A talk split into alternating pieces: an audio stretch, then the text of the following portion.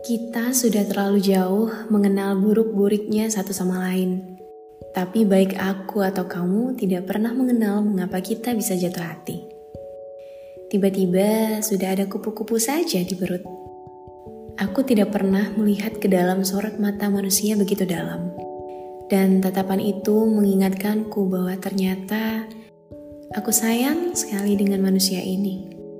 Rasa itu berputar berulang-ulang seperti lagu di piringan hitam.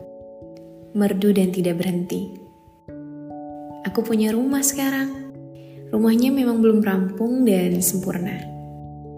Tapi masih aku usahakan untuk direnovasi sekarang. Rumahnya menjagaku dari segala jenis cuaca buruk.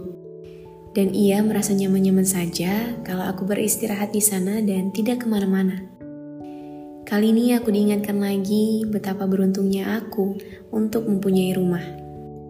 Rumah yang berbentuk manusia dengan senyuman dan lawakannya yang membuatku jatuh. Yang ketika berbincang dengannya terasa seperti air mengalir.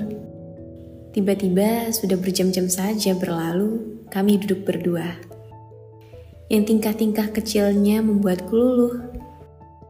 Untuk kamu ketahui, perjalanan pulang menuju rumah adalah hal yang kutunggu-tunggu.